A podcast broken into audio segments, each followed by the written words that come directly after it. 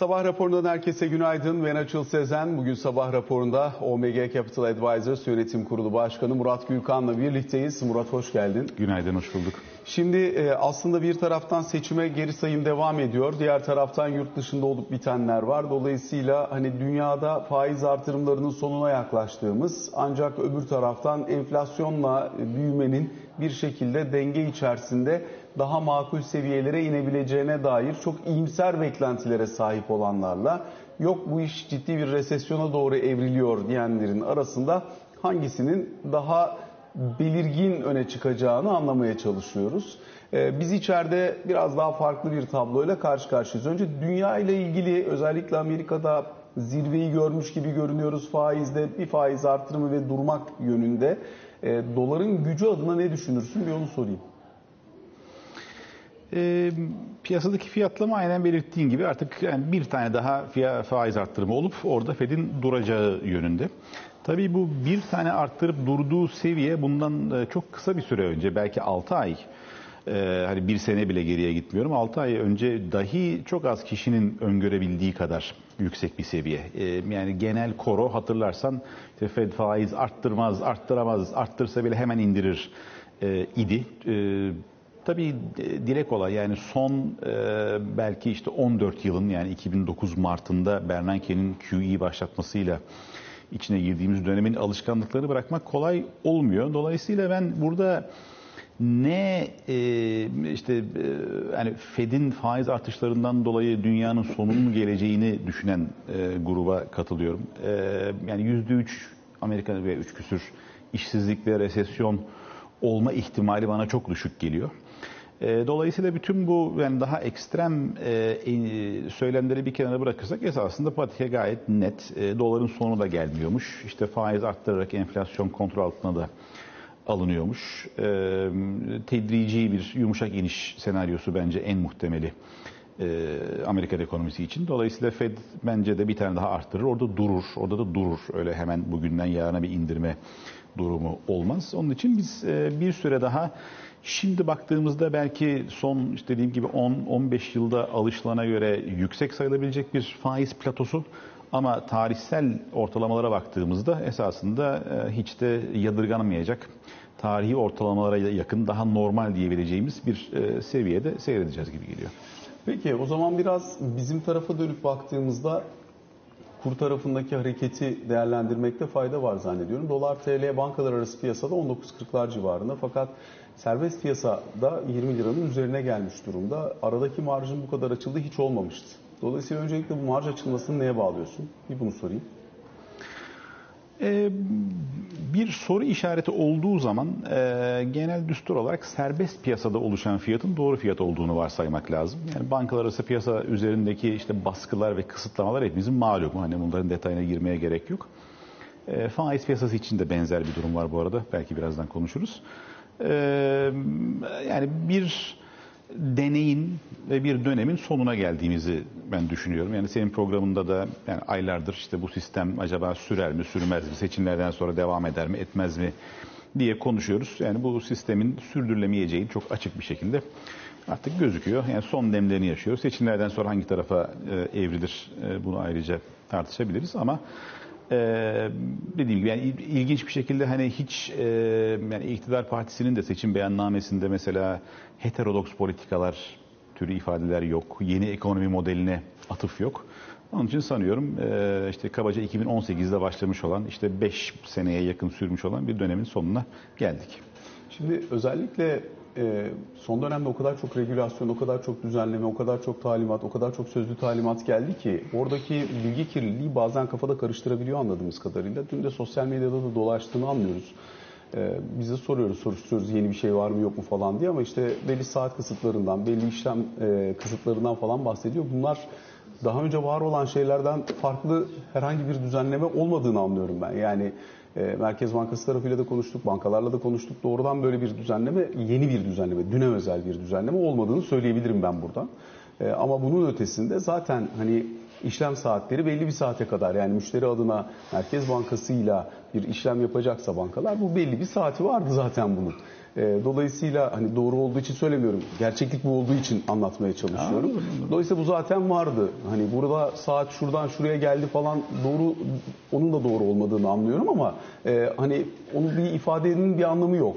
Öbür taraftan banka bazında Merkez Bankası'nın günlük döviz pozisyonuna göre zaten e, işte bazen 80, bazen 100, bazen 120 milyon dolar gibi alanlar açılarak güne göre e, belli kısıtlamalarla hani şu kadar, şu kadar, şu kadar döviz akımı zaten kontrol edilmek istendiği için herkesin yükümlülüğü, herkesin elindeki kaynak, Merkez Bankası'ndan alabileceği kaynakla ilgili olarak da belli bir alokasyon uzun süredir devam ediyor. Burada da yeni bir şey yok. Doğrusu bu diye de söylemiyorum. Bir kez daha söyleyeyim. Sistemi anlatmaya çalışıyorum sadece. Hı. Dolayısıyla hani düne özel herhangi bir düzenleme olmadığını söyleyebilirim ben. Her tarafla konuşmuş olarak da söylüyorum bunu. Doğrudur. Ama zaten politikanın temel noktası döviz akımını kontrol edebilmek. Dolayısıyla döviz girdisi, döviz çıktısı, döviz talebi bunu kontrol etmek üzerinden yürütülmeye çalışılan bir yapı var. Bu burada bir miktar zorlanıldığını anlıyoruz son dönemde.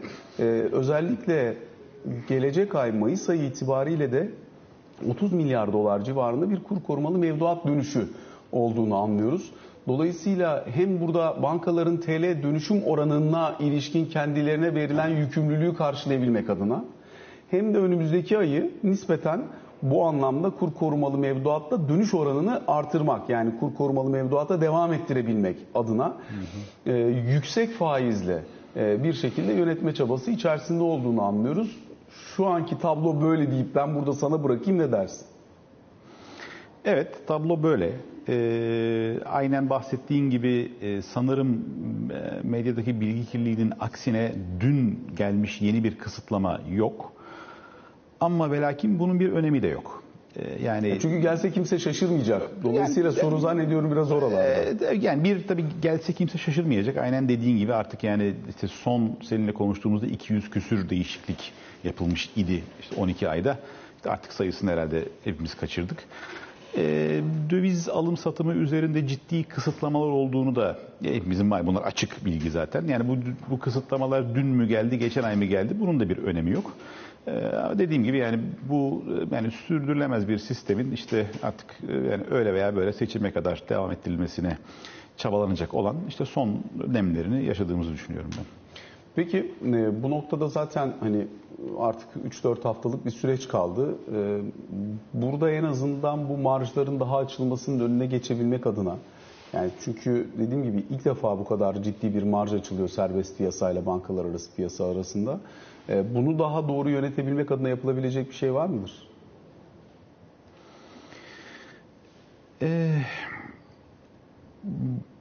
kısa cevap hayır yoktur. Ee, uzun cevap e, yani bu sürdürülemez kurgudan daha normal bir düzleme geçmek lazım ve hatta artık adını Ama koyarak. Şu anda yok yani 2-3 evet. hafta böyle kaldı. Dolayısıyla, Dolayısıyla yoktur. Hani... şey. E, işin tabii ironik tarafı e, hani dediğim gibi çok büyük bir yani uzmanlık gerektirmeyen bir konu olarak e, yani herhangi bir konuda bu kadar yasak ve baskı ve endişe arttırıcı e, adımlar atıldığı zaman yani istenenin tam tersi tepki doğuracağını öngörmek çok zor değil. E, dolayısıyla yani bu işte her gün işte biraz daha sıkılan vidalar sanıyorum yani vatandaş nezdinde de yani ilerisi için belli bir endişeye yol açıyor. Dolayısıyla yani kendi kendine bir talep doğuruyor bu e, davranışlar. E, yani işte altın ithalatında muhtemelen aynen bu sebeple arttığını görüyoruz. Efektif döviz talebinin de aynı şekilde e, arttığını görüyoruz. E, dolayısıyla yani bu önlemlerin bir faydası olmayacaktır. Ee, dediğim gibi hani işte son demlerini yaşıyoruz. Birkaç hafta sonra öyle veya böyle bu sistemden vazgeçilecek. Şimdi bir tarafıyla da aslında bir örtülü faiz artırımı olmuş oldu. Yani hem TL Tabii. faizlerde mevduat cephesine baktığın zaman muazzam bir artış var. Dolayısıyla e, şu an itibariyle bilançodaki dönüşüm oranını yakalayabilmek için hem TL faizi yükseldi hem de e, dönüşüm yakalayabilmek için kur korumalı mevduattan TL'ye dönüşlerde de faizlerin çok arttığını anlıyoruz. E, hani gerçekten inanılmaz faizler duyuyoruz. O yüzden bu taraf ne kadar sürebilir, ne kadar sürdürülebilir de bir devamlılığını sormak isterim. Çünkü Hani e, sistem değişti değişmedi ayrı ama özellikle kur korumalı mevduat sistematiğinin seçimden sonra devamı adına da e, hani şu anda seçime kadar bu faizleri anlayabiliyoruz. Bir dönüşüm oranı, dönüşüm yükümlülüğü geldiği için de buralara çok akım var ama sonrası ne olacak kur korumalı mevduatta? Şu anda biz en istenmeyen noktadayız. Çünkü hem aynen belirttiğin gibi e, yani bir önemini tamamen olmasa da büyük ölçüde yitirmiş olan Merkez Bankası politika faizi dışında e, bir bir kere piyasada pek çok faiz ona verilmiş durumda. Bu iyi bir şey değil. E, yani TL'nin fiyatı nedir dediğiniz zaman e, yani birden fazla cevap var. Bu iyi bir şey değil. İkincisi dediğim gibi yani %8,5'luk e, politika faizi dışında serbest piyasaya benzer ortamlarda oluşan işte bütün faizler işte 30 ile 40 hatta 40 üstü rakam arası bir yerlere gelmiş durumda. E madem bu yüksek faizler zaten oluşacaktı artık önüne geçilemiyor. Bari bunların faydasını görmemize imkan tanıyan bir siyasi ekonomik söylem olsa da kur üzerindeki baskı azalsa diyeceğim. O da maalesef olmuyor. Dolayısıyla her iki açıdan da en kötü yerdeyiz. Hem yüksek faizin bütün bu yani maliyetleri ortaya çıkıyor hem de bunun e, özellikle kur tarafındaki faydasını görmemize engel olan bir e, bir politika belirsizliği var. Yabancı yatırımcıların seçim sonrasına dönük beklentilerine baktığımız zaman en son işte JP Morgan raporu gördük. Orada diyor ki seçimi kimin kazandığına bağımsız olarak e, politika faizinde bir yükseliş bekliyoruz. Dolayısıyla e, politikalarda bir normalleşme bekliyoruz. Fakat yabancıların hepsinden kur düzeyine ilişkin bir düzeltme beklentisi dillendiriliyor. Bu yabancılar böyle söylediği için böyle olacak anlamına gelmiyor.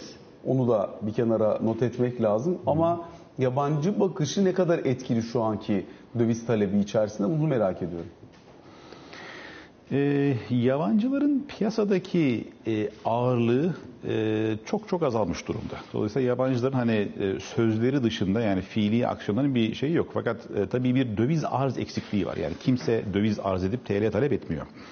E, piyasada yani o anlamda bir yabancı girişi de yok. Tam aksine yerli tasarruf sahipleri de işte e, medyada anekdot olarak hepimizin gördüğü üzere veya Tahtakale'ye gidip işte kuyruklara baktığınız zaman gördüğünüz üzere e, döviz veya altın e, veya hatta tabii işte tüketim malları işte vesaire e, talep ediyor.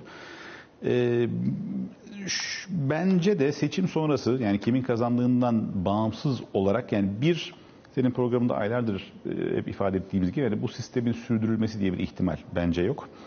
E, yerine ne gelir e, dediğimizde de e, bence şimdi faizlerin artması ifadesi de aslında belki yanlış. Çünkü faizler zaten artmış durumda. O yüzden mesela onu da soracağım. Bu son mevduat faizi artışları o olabilecek bir faiz artırımı var ise onun ne kadarını absorbe etmiş oldu? Yani o bir faiz şoku idiyse Evet. e, bu ne kadarını absorbe etmiş Büyük ölçüde. Yani dörtte üçünü mesela e, absorbe ettiğini bir tahmin yapmak gerekiyorsa e, söyleyebiliriz. E, Yani 30 bölü 40 kadar bir oranla yani dörtte üçünü absorbe ettiğini söyleyebiliriz. Fakat dediğim gibi burada e, ha- yani seçim sonuçlarından bağımsız olarak seçim sonrası için Yabancı yatırımcılar nezdinde belki biraz daha net bir manzara var. Çünkü hem muhalefet hem iktidar yabancı yatırımcılarla konuşuyor. Ee, fakat Türk kamuoyu nezdinde yani kimin ne yapmayı planladığı konusunda bir belirsizlik var. Ee, yani ekonomik vaatlere baktığımız zaman e, yani iki tarafın da siyasi liderler seviyesinde zikredilen bol miktarda popülist vaatler var. Ee, fakat e, hani daha e, icracı seviyede neyin ne olacağı konusunda e, yani iki taraftan da çok e, tutarlı, e, net, belirgin bir e, ekonomik yol haritası e, ortaya konmadığını görüyoruz. Peki burada yabancılardan bahsederken o bahsi kapatmadan önce mesela swap fiyatlamasına baktığım zaman yurt dışı ile swap fiyatlamasına baktığım zaman buraların bayağı e, yüksek fiyatlamaya doğru gittiğini görüyorum. Yani gecelikte e, işte 90'lardan tut haftalıkta 58, aylıkta 70, 72 bu, bu piyasada bazen böyle anomaliler oluyor. Likidite de çok azaldığı için ister istemez. Hani bir çıkmak isteyen olduğunda burası bu şekle dönüşebiliyor. Ama e, doğru bir yabancı kanalı açılacaksa eğer e, o zaman buralardaki doğru düzlem nereler olabilir? Biraz belki onu da konuşmak lazım.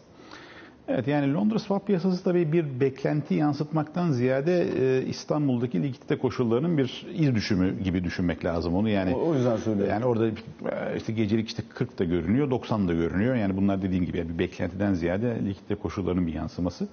E, birincil öncelik e, tekrar özellikle işte finans merkezi olma iddiasında ve arzusunda bir ülke olarak e, piyasadaki bu kopuklukların e, giderilerek piyasanın homojen bir hale gelmesi. Yani TL'nin faizi neyse dünyanın her yerinde bunun aynı seviyeye gelmesi e, Türkiye'nin tekrar yatırım yapılabilir, iş yapılabilir bir yer olması için bir ön şart. Yani seviyenin seviye bugün böyle olur, yarın başka bir şey olur, o değişir, artar, düşer vesaire ama bu kopuklukların e, bir ortadan kalkması lazım. Çünkü bu haliyle e, gene detaylarına çok girmeye gerek yok ama e, yani istenmeyen pek çok sonuç ortaya çıkıyor. Türkiye'ye muazzam bir risk primi çıkıyor. Yani düşük faizin bir faydasını görmediğimiz gibi e, yani gereksiz yani işte hem çok kolay karlar elde ediliyor hem burada Türk reel sektör açısından çok yüksek maliyetler ortaya çıkıyor.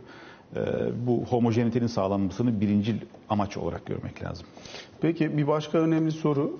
Özellikle şu dönemde seçim sonrasına dönük bir pozisyonlanma ihtiyacı içerisinde olan diyelim ki kurumsal yatırımcı veya şirketsin. Ee, nasıl bir pozisyonlanmaya gitmen gerekir? Bu riski nasıl yönetmen gerekir? Eğer döviz yükümlülüğün varsa nasıl? Eğer bir vade uyumsuzluğun varsa nasıl? Ee, yani opsiyon kanalı da çalışmıyor çünkü opsiyon kanalında işte sahillik opsiyon oynaklığı işte 40'lara yaklaştı. Tabii tabii. Forward'da doğru fiyatlama bulman da çok kolay değil. Onun için Merkez Bankası işte NDF benzeri yeni bir e, uygulamaya da geçmiş oldu. E, hani vadede bir şekilde sana daha uygun ve makul fiyatlamayla TL e, karşılığı döviz sağlayabileceğini söyleyen ama nasıl yaparsın? Ee, yani dediğim gibi bir kere çok doğru bir konuya parmak basıyorsun. Yani e, işte siyaseten göze hoş görünür bir şeyler yapmaya çalışırken sistemde korkunç bir verimsizlik yüklenmiş durumda. Yani burada reel sektör açısından hakikaten e, karşılanması güç maliyetler oluşmaya başladı. Yani bahsettiğim konular bunlardan bir tanesi.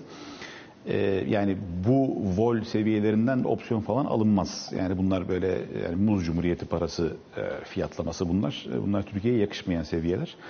Burada belki az önce e, belirttiğimiz hani seçimlerden sonra yani sonuç ne olursa olsun faizlerin artma ihtimali daha yüksek gözüktüğü için her halükarda burada TL borçlanmaya çalışmak lazım. Yani en temel strateji şirket açısından bence bu olmalı. Peki şimdi özellikle kur tarafını, faiz tarafını belli ölçüde değerlendirmeye çalıştık. Mono faizleri şu anda çok düşük kalmaya devam ediyor. Ee, bir yandan da bankalara getirilmiş yeni yükümlülükler çerçevesinde bankalarda menkul kıymet almak durumunda kalıyorlar. Özellikle son önceki hafta getirilen düzenlemelerin ardından e, bir tur daha çok kuvvetli işte banka başına 40 ile 60 milyar TL arasında değişecek bir ek yükümlülük gelebileceğini anlıyoruz ki daha üstüne çıkmak zorunda kalacak olan bankalar da olabilir. Ee, dolayısıyla bu menkul kıymet yükümlülükleri banka bilançoları içerisindeki etkisi ve bunların verimi anlamında ne söylersin seçim sonrasına dönük? Yani politikanın bir bölümünden vazgeçilecekse ya da biraz önce konuştuğumuz gibi eğer o kısmı sürmeyecekse o zaman bu taraf için ne yapılabilir? Şimdi en e, basit versiyondan başlayacak olursak seçim sonrası yani bu işte 5 ila 10 yıl vadeli bu kadar düşük faizli e, bono stokunun banka bilançolarında bir zarar veya o stokun kendisinden bahsediyorum bir zarar yaratacağı aşikar. E, bankalara e, yani burada ben bankaları savunmak durumunda değiliz ama e, yani bankalara zorla zarar ettiği edecekleri tahviller aldırmak da bana göre iyi bir e, yönetişim, iyi bir denetim ve gözetim e, fonksiyonu anlamına da gelmiyor. Daha özellikle yani işte Silicon Valley Bank gibi örnekler çok tazeyken hele bunun ne kadar zararlı olduğunu hep beraber herhalde görüyoruz.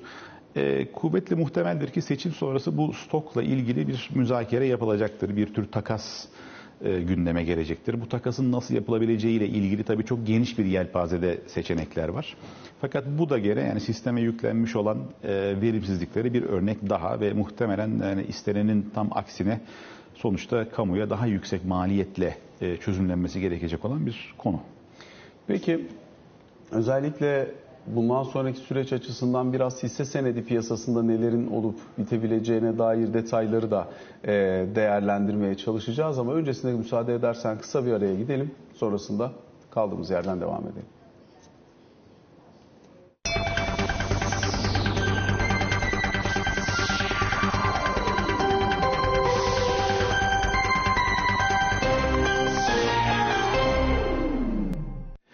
Raporunun ikinci bölümüyle karşınızdayız. Murat Gülkan'la sohbetimize kaldığımız yerden devam ediyoruz. Murat özellikle Borsa İstanbul tarafını bir sormak istiyorum sana. Çünkü Borsa İstanbul'da başka bir şey oldu.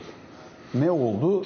Yatırımcı sayısı 4 milyonun üzerine çıktı. Her bir halka arıza 1.7 milyon, 2.2 milyon hesapla giriliyor. E, bu arada eşit dağılım olduğu için yani talep eden herkese gittiği için e, hisse senetleri e, herkes işte anneye, anneanneye, büyük babaya, dedeye, halaya, amcaoğluna hesap açmak suretiyle belli bir e, birikime ulaşma çabası içerisinde de onu da anlıyoruz. Ama sonuçta sermaye piyasası adına tabana yayılmanın dikkate değer gelişim noktalarından bir tanesindeyiz gibi de duruyor. Bilmiyorum ne dersin? Ee, çok doğru. Hani işte yıllardır piyasanın içinde olan kişiler olarak yani senin de hep konuştuğumuz konular hani adeta hani körün istediği bir göz Allah'ın verdiği iki göz hakikaten e, yani dişe dokudur, hatırı sayılır sayıda e, yerli yatırımcı piyasaya geldi. Tabii bu geliş maalesef çok sağlıklı olmayan bir e, parasal genişleme dalgasının üzerine binerek oldu. Onun için e, yani piyasada e, özellikle halka arzdaki fiyat oluşumunun yani son derece sağlıksız olduğunu herhalde yani söylemeye gerek yok.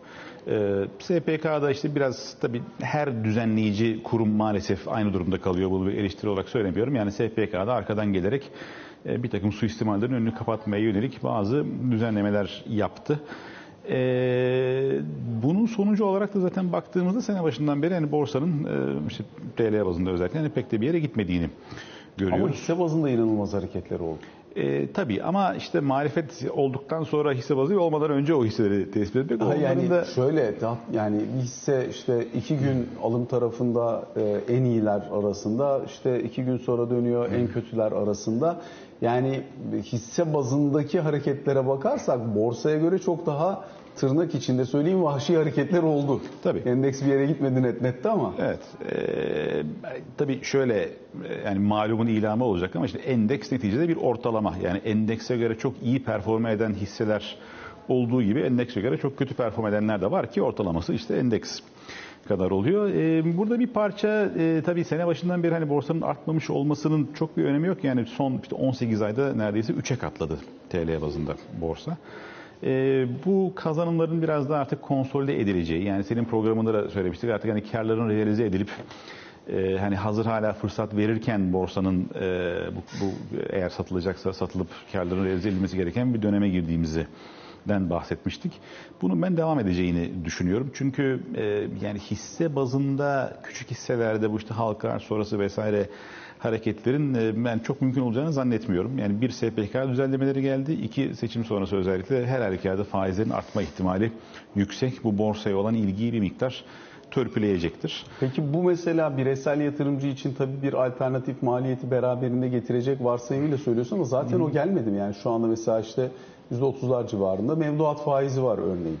Hani kur korumalı mevduatta çok ciddi yükselmiş bir e, seviye var. İşte altın talebi zaten belli bir seviyeye geldi. Orada da getiri elde edilebildi falan. O yüzden söylüyorum yani alternatifsiz olduğu dönemden daha alternatifli bir döneme geçilmedi mi? Aynen öyle ve netekim onun içinde işte sene başından beri işte biraz aşağıda borsa. %8 aşağıda Aynen. gördüğüm kadarıyla. Evet. Yani 8 dediğim gibi hani 3'e katlamış borsada %8'in sevginin olduğu yerde %8'in lafı olmaz. E, yani bu durumun değişmesi için ben e, kısa vadeli bir sebep görmüyorum. E, dediğim gibi hani uzun vadeli yatırım perspektifi tabii ayrı bir konu. Ama böyle yani bu coşkulu Hani elinize neyi atsanız fiyatının işte yüzde 50 artarsa az arttı dediğimiz dönem bence geride kaldı.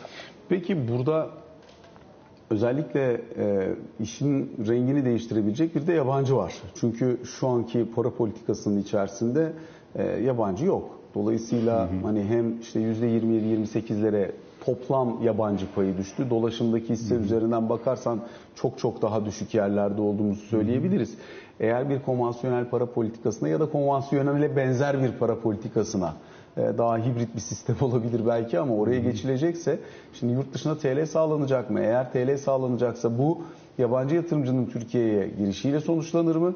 E, bir de özellikle yabancı burada hani bireysel yerli yatırımcının realize etmek üzere hazırlandığını söylediğin o hisse senedi pozisyonlarını alıp yeniden taşıyabilir mi? Ee, evet, Kaynak evet, olacağı ve- için. evet yani, e, e, yani tekrar Türkiye'de sermaye hareketlerinin serbestleşmesini beklemek lazım. E, bu durumda yabancı girişi olur. E, burada tabii e, yabancı girişinin daha endeks ağırlığı yüksek kağıtlarda olmasını beklemek lazım. Orada da bir ayrışım olacaktır. Dediğim gibi mesela yani bankalarla ilgili başka konular var. Yani bir sermaye ihtiyacı olur mu e, gibi. Dolayısıyla e, özellikle de e, yeni düzlemde iç tüketimin bir miktar frenlenebileceğini de düşünecek olursak e, yani daha seçici bazda bir e, yaklaşım sergilemek gerekecektir. Yani iç tüketimden ziyade belki daha başka türlü işte yani e, daha işte sanayi şirketlerine bakmak gibi gibi temalar ortaya çıkacaktır. E, yani bunların hepsi pozitiftir ama dediğim gibi yani bizim yerli yatırımcının burada bir miktar kazanımlarını konsolide edip e, bir miktar daha da hani piyasaya biraz daha rasyonel bakma konusunda kaslarını geliştirmesi gereken, e, belki işte yani profesyonellerle biraz daha yakın e, ilişki kurması gereken bir dönemdeyiz. Yani eskisi gibi dediğim gibi işte her halka arıza işte girelim, akrabalar adına hesap açalım, bir şeyler alalım. E, işte senin programında aynı espri yapmıştık ya işte ben çok fazla bir şey beklemiyorum. Haftada %10 artsa yeter benim için denilen Bunu günde artıyor.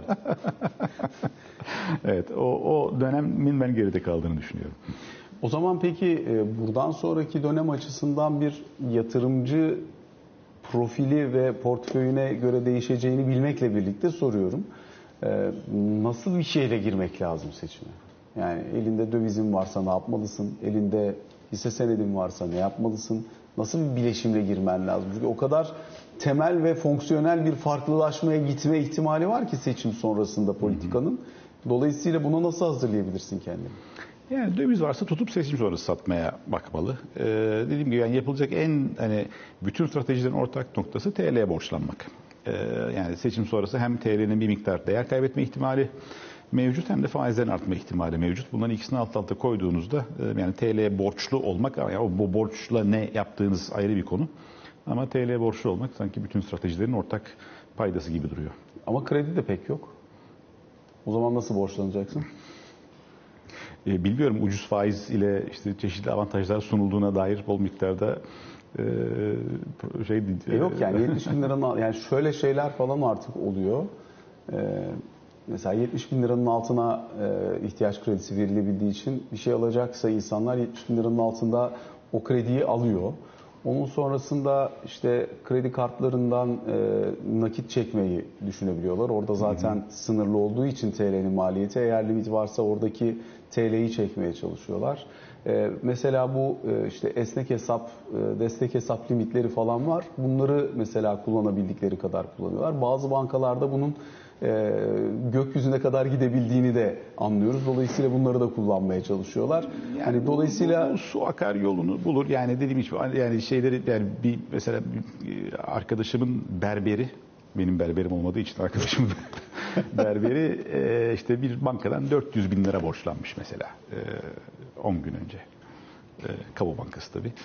E, vesaire vesaire. Onun için yani bu ama esnaf kredisi almış olabilir. işte dediğim gibi yani herkes kendi imkanları doğrultusunda yani TL'ye borçlanmak e, avantajlı gözüküyor. En avantajlı kısım diyorsun. Murat Gülkan çok Sabit faizle ediyoruz. Nasıl? Sabit faizle tabii değişken değil.